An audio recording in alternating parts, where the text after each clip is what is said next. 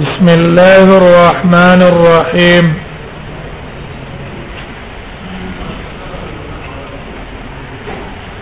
باب ما جاء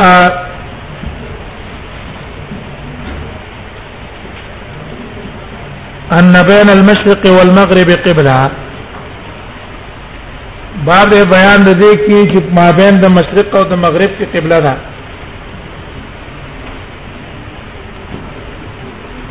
دې کې مصنف رحم الله اوس دا مسله بیانوي چې ګوره یو حکم دی د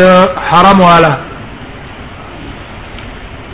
حرام والا چې څوک مونږ کوي نو پاغي باندې عین کعبه طرف ته مخ کول فرض دي دویم د مسجد حرام نه چې څوک بار منځ کوي پاغي باندې جهت مسجد حرام طرف ته لازم نه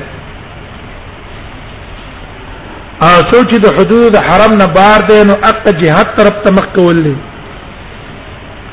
عین محاذات ته کعبه په دی لازم نه ده مثلا موږ دلته مونږ کو نو موږ قبله موږ نه مغرب کې را نو موږ به د جنوب او د شمال په منځ کې به ودرېږو هغه جهاد طرف ته مخ کوو اوس موږ دا کوم ځای ته چې ولاړې دي طرف ته کعبه به یې موږ ته مخامخ خونه نه کړو کعبه په دغه جهاد کې ده دغه څه مدینه کعبه د مدینې په جنوب او شمال کې راځي ذکر دې د مشرق او مغرب په منځ کې ودرېږي یو طرف ته مشرق شي بل طرف ته مغرب شي نو کعبه دې په وسط کې راځي کنه اق جهاد لازم نه حاصل باب دا شو چې د مدینه والا د پاره مشرق او مغرب په منځ کې ودرېدلې هغه طرف ته مخ کولې دا حکم خاص دی د مدینه والا د پاره موږ تاسو لپاره نه دی زمونږ تاسو قبله خو د مشرق او مغرب منځ کې نه کنه زمونږ تاسو قبله د جنوب او شمال په منځ کې ده دا حکم د هغه لپاره دی اگر که حدیث د باب بیا امام ترمذی نه کړه سندن کمزور دی لیکن تایید روایت بخاری کې ولیکن شرقوا او غربوا وی نبی صلی الله علیه وسلم موږ منع کړی ان نستقبل القبلة او نستدبرها ولكن شرقوا او غربوا هغه نه معلوم شو چې مشرق او مغرب طرف ته مخ ورست کوي نو قبله سر کې بلې بل جهات باندې نه نبی ورځ جان روایت رسول الله صم فرمایي ما بین المشرق والمغرب قبله وما بین المشرق او المغرب کې قبله ده دا خبره د ابوبکر نن بیان نقل ده د عمر نن نقل ده د علی نن نقل ده عمر نه معتاد مالک نقل کړي علي ابن ابي شيبه ابن ابي شيبه نقل کړي خپل مصنف کې حتى سنة حمل موسى قال سمع محمد بن معشر مثله امام ابو اسحاق حديث ابي هريره قدر بيانه من غير وجه فدير طريقه نقل شوه هو قد تكلم بعض العلم ډیر علما کلام کړي په بي معشر کې من قبل حفظه حفظ داغه د وجنه چې د قوت حافظه کمزوره هغه صحیح ده کدی کی کمزور شو خو روایت ابو داود روایت بخاری تایید کوي کنه ابي والا شرق وغرب والا واسمه نجيح مولى بني هاشم واذا دي ابي معشر كلهم جاء نجيح ده مولى بني هاشم نه امام محمد ولا امام بخاري واي لا اروي عنه ذات روایت نه نقل کوم شي هو قد روان الناس عام خلق دین روایتونه نقل کړي قال محمد امام بخاری وايي وحديث عبد الله بن جعفر المخزمي حديث عبد الله بن جعفر المخزمي ده عثمان بن محمد الخنسينه عن سيد المقبري عن ابي هريره اقوى واصح من حديث ابي معشر هغه قوي ده او اصح ده د چانه دا ده کوم روایت ده دا ورپسې حدثنا سنن بكر المروزي قال سنن معل بن منصور قال سنن عبد الله بن جعفر المخرمي عن عثمان بن محمد الاقمشي عن سيد المقبري عن ابي هريره عن النبي صلى الله عليه وسلم قال ما بين المشرق والمغرب قبله وإدعى رغب نسبة قبيله وإنما قيل عبد الله بن جعفر المخرمي ويدت عبد الله بن جعفر المخرمي ذكر لأنه من ولد المسور بن مخرمة هذا غطى أولاد كده ذكرته مخرمي وي قال ابو سعيد هذا حديث حسن صحيح ده وقد روي من غير وجه من اصحاب النبي صلى الله عليه وسلم ها ټیک دا دا روایت کې سندن کمزور شو پاسنه روایت ولیکن د ډیر صحابو نه نقل شوی په مختلفو طریقو چې بین المشرق والمغرب قبله د مدینه والا د پاره په مابین د مشرق او مغرب کې قبله ده ورته حکم نه چا پورې ده مدینه والا د پاره غرض دا شو چې هغه جهاد طرف ته ستامخ شو وشو خبره راځي عمر بن خطاب دی عمر بن خطاب اثر موطا نقل کړه علي بن ابي طالب نے بھی شیبہ نقل کړه ابن عباس صلی الله علیه وسلم دغه څه ده وقال ابن عمر او ابن عمر مو اذا جعلت المغرب ان يمينك چې مغرب د خي طرف ته شو او مشرق د چپ طرف ته شو فما بينهما قبله د دوه په منځ کې قبله ده اذا استقبلت القبلة قبله تجد مفکو ها عبد الله مبارک وای وای ما بین المشرق والمغرب قبلة هذا للمشرق دا د مشرق لپاره ده او اختار عبد الله مبارک التياسر الى مروه وای مروه والا په چپ طرف ته تاویږي ولی چې قبله بدلیږي خو ته به جهت هم بدلې کنه هغه مثلا زموږ قبله دې طرف ته دارو موږ بس کوو شمال به خي طرف ته راول جنوب به چپ طرف ته راولو باو ما جاء في الرجل يصلي لغير القبلة في الغيب یو سره قبله نه بغیر بل طرف ته منځ کو وریاض د وجنه ته قبله نه معلوم او تحری وکړه چیرې کیندې طرف ته نور شین او تنه معلومیږي ځکه قبله په څه معلومیږي په نور کارا غوریاض یا شپه ده ته مسافر ترتنه خطا شو تحری به وکړي تحری نه پس تا ته پته ولګېدل چې را مونږ ما غیر قبله طرف ته کړه د جمهور علما مذهب تاریخ مونږ جوړ شو دا وجه دې دسنا لیکن د امام شافعی رحم الله مذهب دا ده هغه د مونږ به ترا کړده وای ځکه قبله طرف ته مونږ فرض ده او قبله طرف ته تامخ کونه په شان ته دی او د صحیح بیا د صحیح باندې مونږ کې لیکن دا قول کمزور ہے د طهارت او د قبله په منځ کې څه دی فرق دی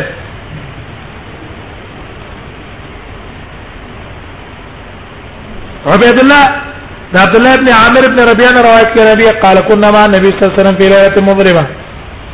من النبي صلى الله عليه وسلم څو پېښته کې تیار والا فلم ندري اين القبله من تفتح لګي چې قبله کوم طرف ته فصلى كل رجل منا على حياله هر یو تن په خپل خپل طرف باندې مونږ کو بل تن معلومه دو کنه فلما اصبحنا چې سبام که ذکرنا ذلك النبي صلى الله عليه وسلم نبی سم تم دا خبره ذکر کړه ودا آیات راغه فینما تولوا فتم وجه الله کوم طرف ته مخ وګرځو بس دغه طرف ته الله مخ ده قال ابو سعيد حديث نه استثناء بذاك سره قوی نه لا نعرف الا من حديث اشعث السمان من ته معلوم نه مګر صرف د حدیث د اشعث السمان نه او اشعث ابن سعيد او اشعث ابن سعيد ابو الربيع السمان يضعف في الحديث حدیث کې هغه کمزور دی هو قذب اكثر من هذا خدای اکثر علماء دا قول له قال اذا صلى في الغيم الغير القبله چې سره په وریت کې قبله نه په غیر بل طرف ته منځو کې پس د تحرینا ثم استبان له او بیا ته پته ولګېدل بعد ما صلى انه صلى بغیر قبله فإن صلاته جائزه من سیده دلیل څه ده هغه حدیث د قباء ده کنه صحابه ګمان دا چې کینه مکه قبله کومه یو ده بیت المقدس رست پته ولګېدل چې نه قبله خو هغه نه و قبله دا بل رسول الله صلی الله علیه وسلم امر بلا اذن نه کړ وبه يقول سفيان الثوري ومبارك واحمد واسحاق دا قول سفيان الثوري دی ابن مبارک هم دی احمد هم دی اسحاق هم دی باو ما جاء في كراهيه ما يصلى عليه وفي بعد بیان د هغه شي چې کوم چې د مونږ نه کې مخ پوته نه کې او په کوم ځینې کې مونږ نه کې څه معادی مخ کې بیان کړ اوس نور بیان عبد الله بن عمر ان النبي صلى الله عليه وسلم صلى في سبت موات نبی سلام منه کړی چې وو چې کې مونږ کړی شي فلمس بل په ډیران کې مونږ نه کې لکه د موج او نجاسه ده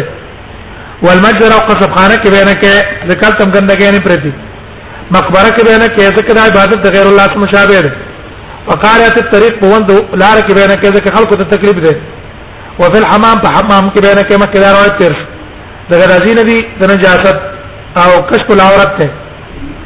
ومعاتن الابل او کوم ځکه چې خوان تړل کی یا کې بیان کې دا تفصیل مثلا موږ بیان کړو په کتاب الوجو کې چې په خوان په غوخه او د سماعتي کې کنه او فوق ظهر بیت الله او بیت الله د پاسه مونږ کې وجدا ده چې د پاسه درې کې نشتا مخ قبله ته نشو امام شافعي په هغه ټیم کې جایز دی چې په غزا دیوال ته چته ته مونږ کې دا باندې کې ذوق دور بیت الله دا بل آیت ان اتى ابن عمر ان رسول الله صلى الله عليه وسلم ونحو وفي الباب ربي مرصد وجابر وانس قال ابو سعيد حديث ابن عمر اسناده ليس بذات القوي القوي نذر وقد تكلم وقد تكلم في زيد بن جبير من قبل ابن زيد بن جبير په منځ کې مبارک په اعتبار د حدیث خبرې شوې دي وقد روى الليث بن سعد هذا الحديث ها ليث بن سعد من روايه نقل كذا عبد الله بن عمر العمري عن نافع عبد الله بن عمر العمري كم زور هذا عن عمر عن النبي صلى الله عليه وسلم مثله وحديث ابن عمر عن النبي صلى الله عليه وسلم اشبه اذا سيره دا مشابه دی وصح ته د حدیث د لیث ابن سعد نه پاسه نه روایت ولی ذکر عبد الله ابن عمر العمري ضعفه بعض بعض الحديث من قبل ابنه هغه ته ضعیف ویل چې باغی کې یحیی بن سعید القطان هم ده باو ما جاء فی الصلاه فی مرابض الغنم دا به بیان د مانځه کې په مرابض الغنم کې واعطان الابل کوم ځای کې چې غړي تړي الته مون جایز ده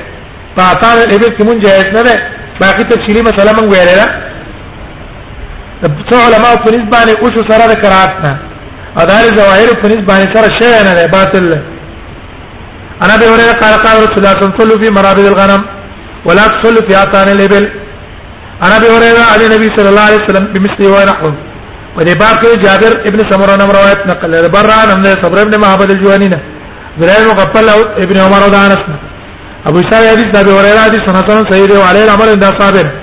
دا قول ما احمد بن اسحاق نه او حدیث د ابي حسین د ابي صالح د ابي هريره عن النبي صلى الله عليه وسلم حدیث غریب دی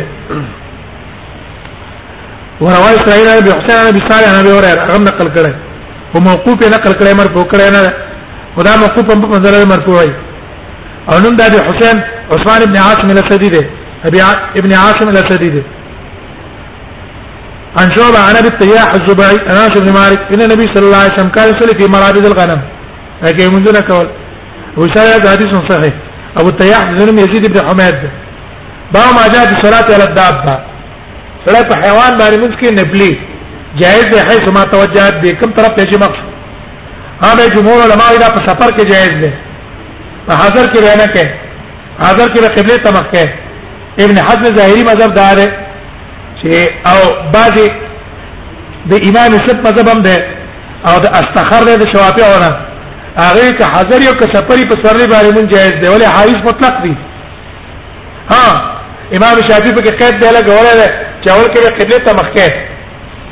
قانون علماء قبله ته مخکول په کې لازم نه دي او کم کې چې مخکړه دا بنا له په افضلیت باندې بنا له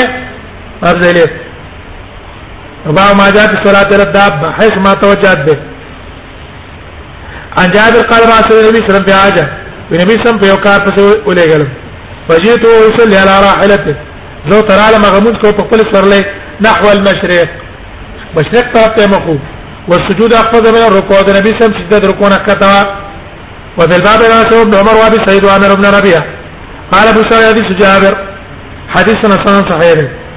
وروي من غير وجه جابر ودير طريقون قد شهر جابر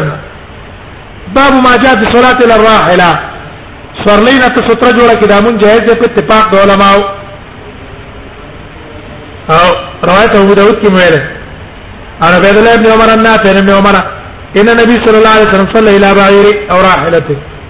منذ کړه له اوخته یا سرلیته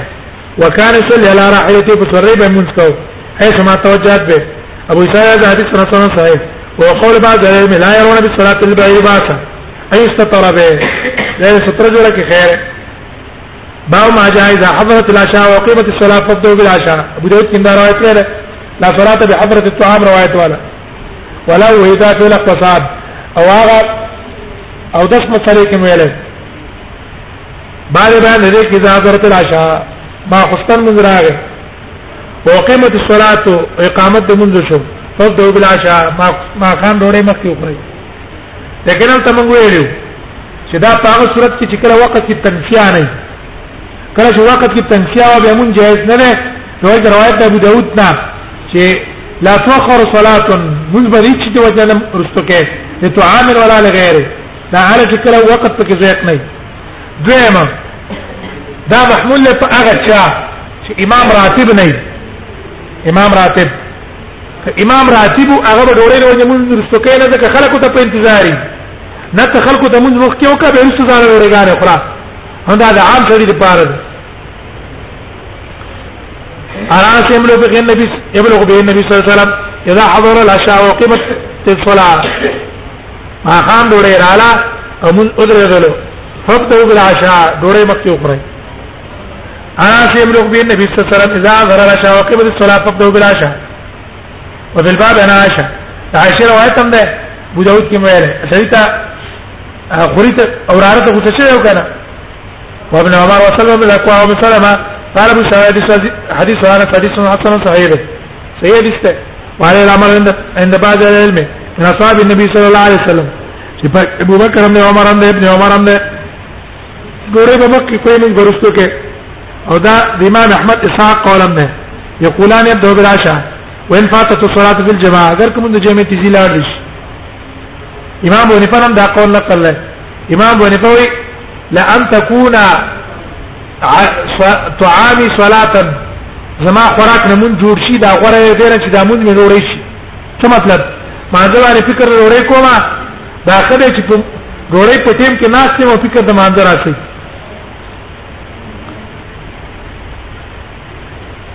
سمعت الجارود يقول سمعت وكيعا يقول يا هذا الحديث يبدا بالعشاء اذا كان الطعام يخاف فساده الا بدا کې چې کله فساد نه لري خدای والذي ذهب الى بعض العلم من اصحاب النبي صلى الله عليه وسلم وغيرهم اشبه بالاتباع دا کوم قول چې علما کړی دی جوړې به مخکې خوري دا غوړه ده ابن عمر نه نقل لري النبي صلى الله عليه وسلم انه قال اذا وزل العشاء وقيمت الصلاه فابدأوا بالعشاء قال ولا وتعشى ابن عمر ويسمع ابن عمر به ډوړې خړلا او يسمع قراءه الامام د امام قرات په موريدو حتى سنة بذلك حناد بن عبد الناس عن ابن عمر باو ما جاء في صلاة عند النعاس خوب دلا درتلو په خوب تم ته مونږ نه کې علماء دا محمول له پچا باندې د جمهور علماء قول لا چې دا محمول له پنوافلو شپې تهجد تر پاتېږي ودشه فرضي مونږ نه ولې فرضي مونږ وګت نه چې دا غیر ونه تا خوب پڅ کی خراب کیږي ابا کې خو بزانه تختې مونږ بکې عاشر ده انا روایت ته قال قال رسول الله صلی الله علیه وسلم نبی صلی الله فرمایي اذا نعس احدكم وهو يصلي فکره چې خوب ورغه یو تن تاسو ته غمونځ کاو فلا قد ادریش حتى يذهب عنه النوم تر دې چې خوب تلاش فإن أحدكم إذا صلى ځکه یو تن تاسو چې مونږ کې وینعس هغه خوب ورځي فلعله يذهب شاید چې به شروع شي لاستغفر اذان ته بخنه غواړي فیسب نفسه تخیری بزان ته او بل باب انا سواب اوریرا دې باب کې د انس او د ابو هريره روایت نقل قال ابو سعيد حديث واحد حديث سنتان سعيد باو من جاء باو ما جاء من زار قوما فلا يصلي بهم اسره چا ملاقات تلاشي فلا يصلي بهم هغه ته دې مونږ نه کوي علما البته موږ ویلو چې د جمهور علما قول دا بنا له په صورت باندې چې کله هغه ته اجازه نه کړي هغه ته اجازه کوله به شي او کی به کوله شي او دې صحابي چې مونږ کړه وې انکار کړه وې نو کې دې شادي اجازه وتا معلوم نه الا به دې متمعلوم نه حدیث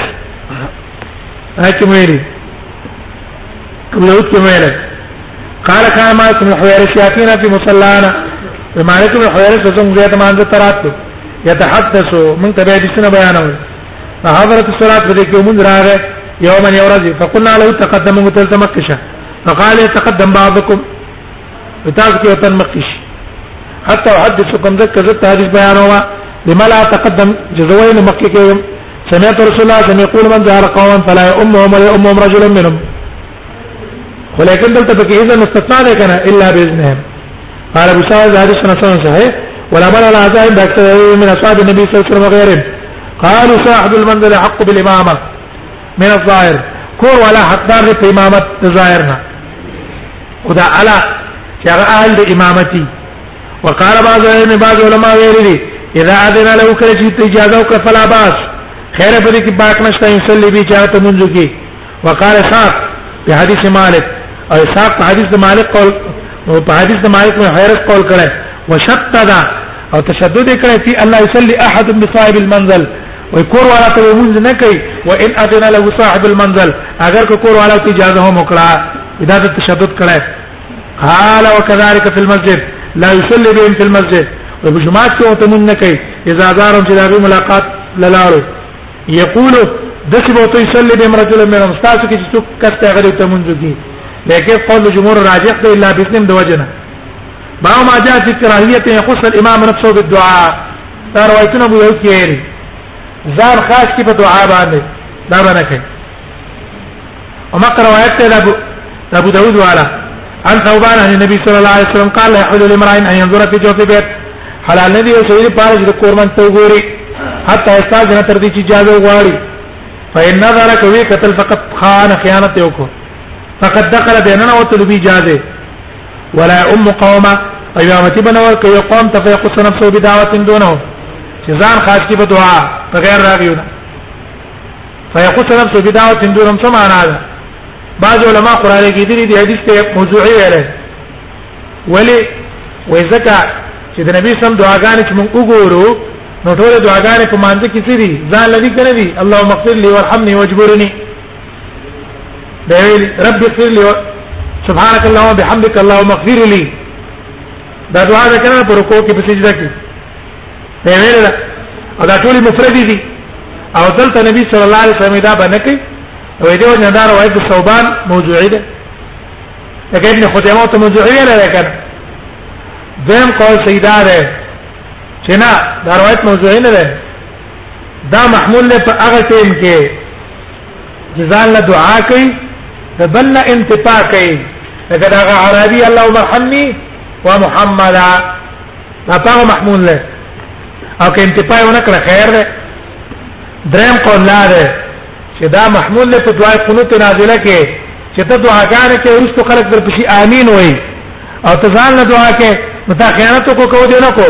هغه خو په اعتماد پتاو چې ته دعا کې امین در باندې یو ته ځان وې دا پاغي محمول نه او دا خبره هم صحیح دا خبره ټیک ده په نسبت ته دې چې سړی موضوعي ته وای ولا يقوم الى الصلاه فنو پاتې کی مانځته هو حقن چې دا لړکه او اسمات ورغلې ته شو د اسمات ورغلې امام داود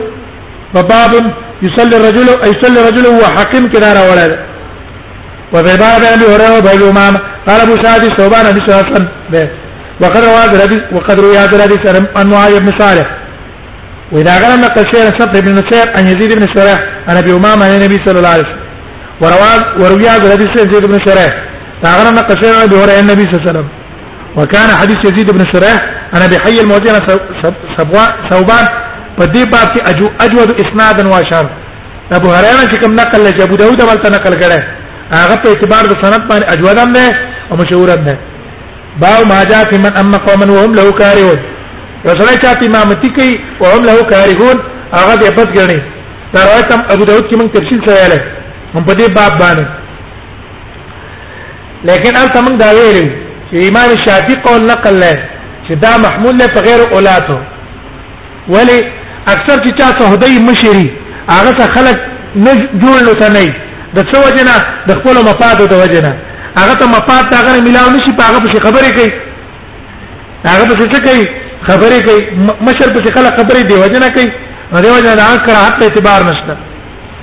او عام علما وایي چې نه دا کراهت ته خو په کراهت دینی چې داغه سورانی په کوم اعتبار په امور دینی او باندې د شرع نه خلاف کارونه کوي د خلکو خلاف او کنه په امور دینی کې سوران نه ده د دنیا د مفاد د وجه نه ده هغه اعتبار نشته قلار دې مونږ کوي دغه دنیا کې څوک دې داغه سوران نه محمد رسول الله څخه له قران دا غنه څه کوچت انسان شته ډیر کسان د شیخ محمد رسول الله قتل منسوبې تیارولې څنګه یې مړکو دا کولې کنه کوله ګټو ته زار چولې منافقان اراده کړو په تبوک کې جمړې کې ګټه پیرو ورځي مجه جراري جوړ کړو دا د قتل د منسوبې لپاره دا کارونه کول کنه کول نو چا د رسول الله صلی الله علیه وسلم د قتل منسوبې تیارولې او چا په ځان قربانو داغه لاړې دا هغه او به اسمه کې تنه پر خو ته غیر اغستلې نو قران د څه څوک نشته چې دا څه به قران نه او خامخا چې یو خدای یو مرتبه کې کار لري څوک به شورانی څوک به سره جوړي هغه به بغیر دی نه دا بنوي چې ګرما سره ټول خلک جوړ شي جوړې دوه حالانه شته کار کوا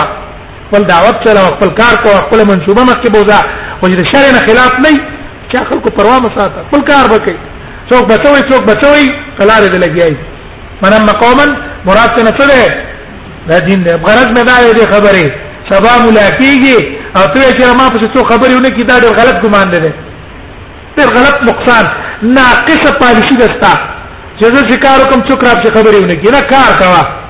چې شریعت ته غاړه خلاصي الله او رسول ته پاکي نور د شکار کو دا ټول خلک درته خبرې کوي خپل دیم کوي پردین دیم در پسې کوي پروا نه کوي او الله رسول ته څه کوي الله رسول ته خپل غاړه پاکه ساته چې الله رسول ته پاکي نور دې دا ټول خلک در پسې خبرې کوي ستا مرګري دې در پسې کوي ستا شاګردان دې در پسې کوي ستا عام خلک دې در پسې کوي دا پکې ستا چاله دې پیسې ورکول هغه نه خوشاله دی خو چې هغه مپات کړ کاوت په جوړ شي چې هغه واستانه مپات ته کیږي بس تاسو خبرې بم کوي دا څه دا هغه څه دا پلان دا څه ده دا د مفاد والا خلق دي دا سری منافقان له شړې په غنیمت کې ورنکا اے عادل یا محمد عادل کا ظلم دی وکړو راپاتې د کړه پاره دی رسول الله ته ظالم ویل نبی سم ته ویل که هلاک شي جزا درنه کوم څوک بادلی چیر رکاوټه پیدا شي څه رکاوټه پیدا شي تهمت ته ونه لګو چې رسول الله شاپ شړې پټ کړي چې په ټکړې شړې په ټکړې غنیمتونه کې شرم پاده د وجنه ظالمان دا ارضی کې معاشره کې بدایي هغه په څه بګرځي نه نو مقصد دا دی چې دا قرات کم قرات ته دینی دنیوي نه ده دنیوي مفاد کې به خامخا ستا خلاف کوم نه څوک به موافق نه څوک به څه کوي څوک به څه کوي هغه څه بګرځي نه بلکار به بوزي او دویم اعتبار اکثریت لره چې اکثر خلکو تخوخ نه نو بیا دا مونږ ته تبلیغ نه من زار قوما فلا امهم ولا امهم ها نبی صلی الله علیه وسلم فرمای دا روایت ده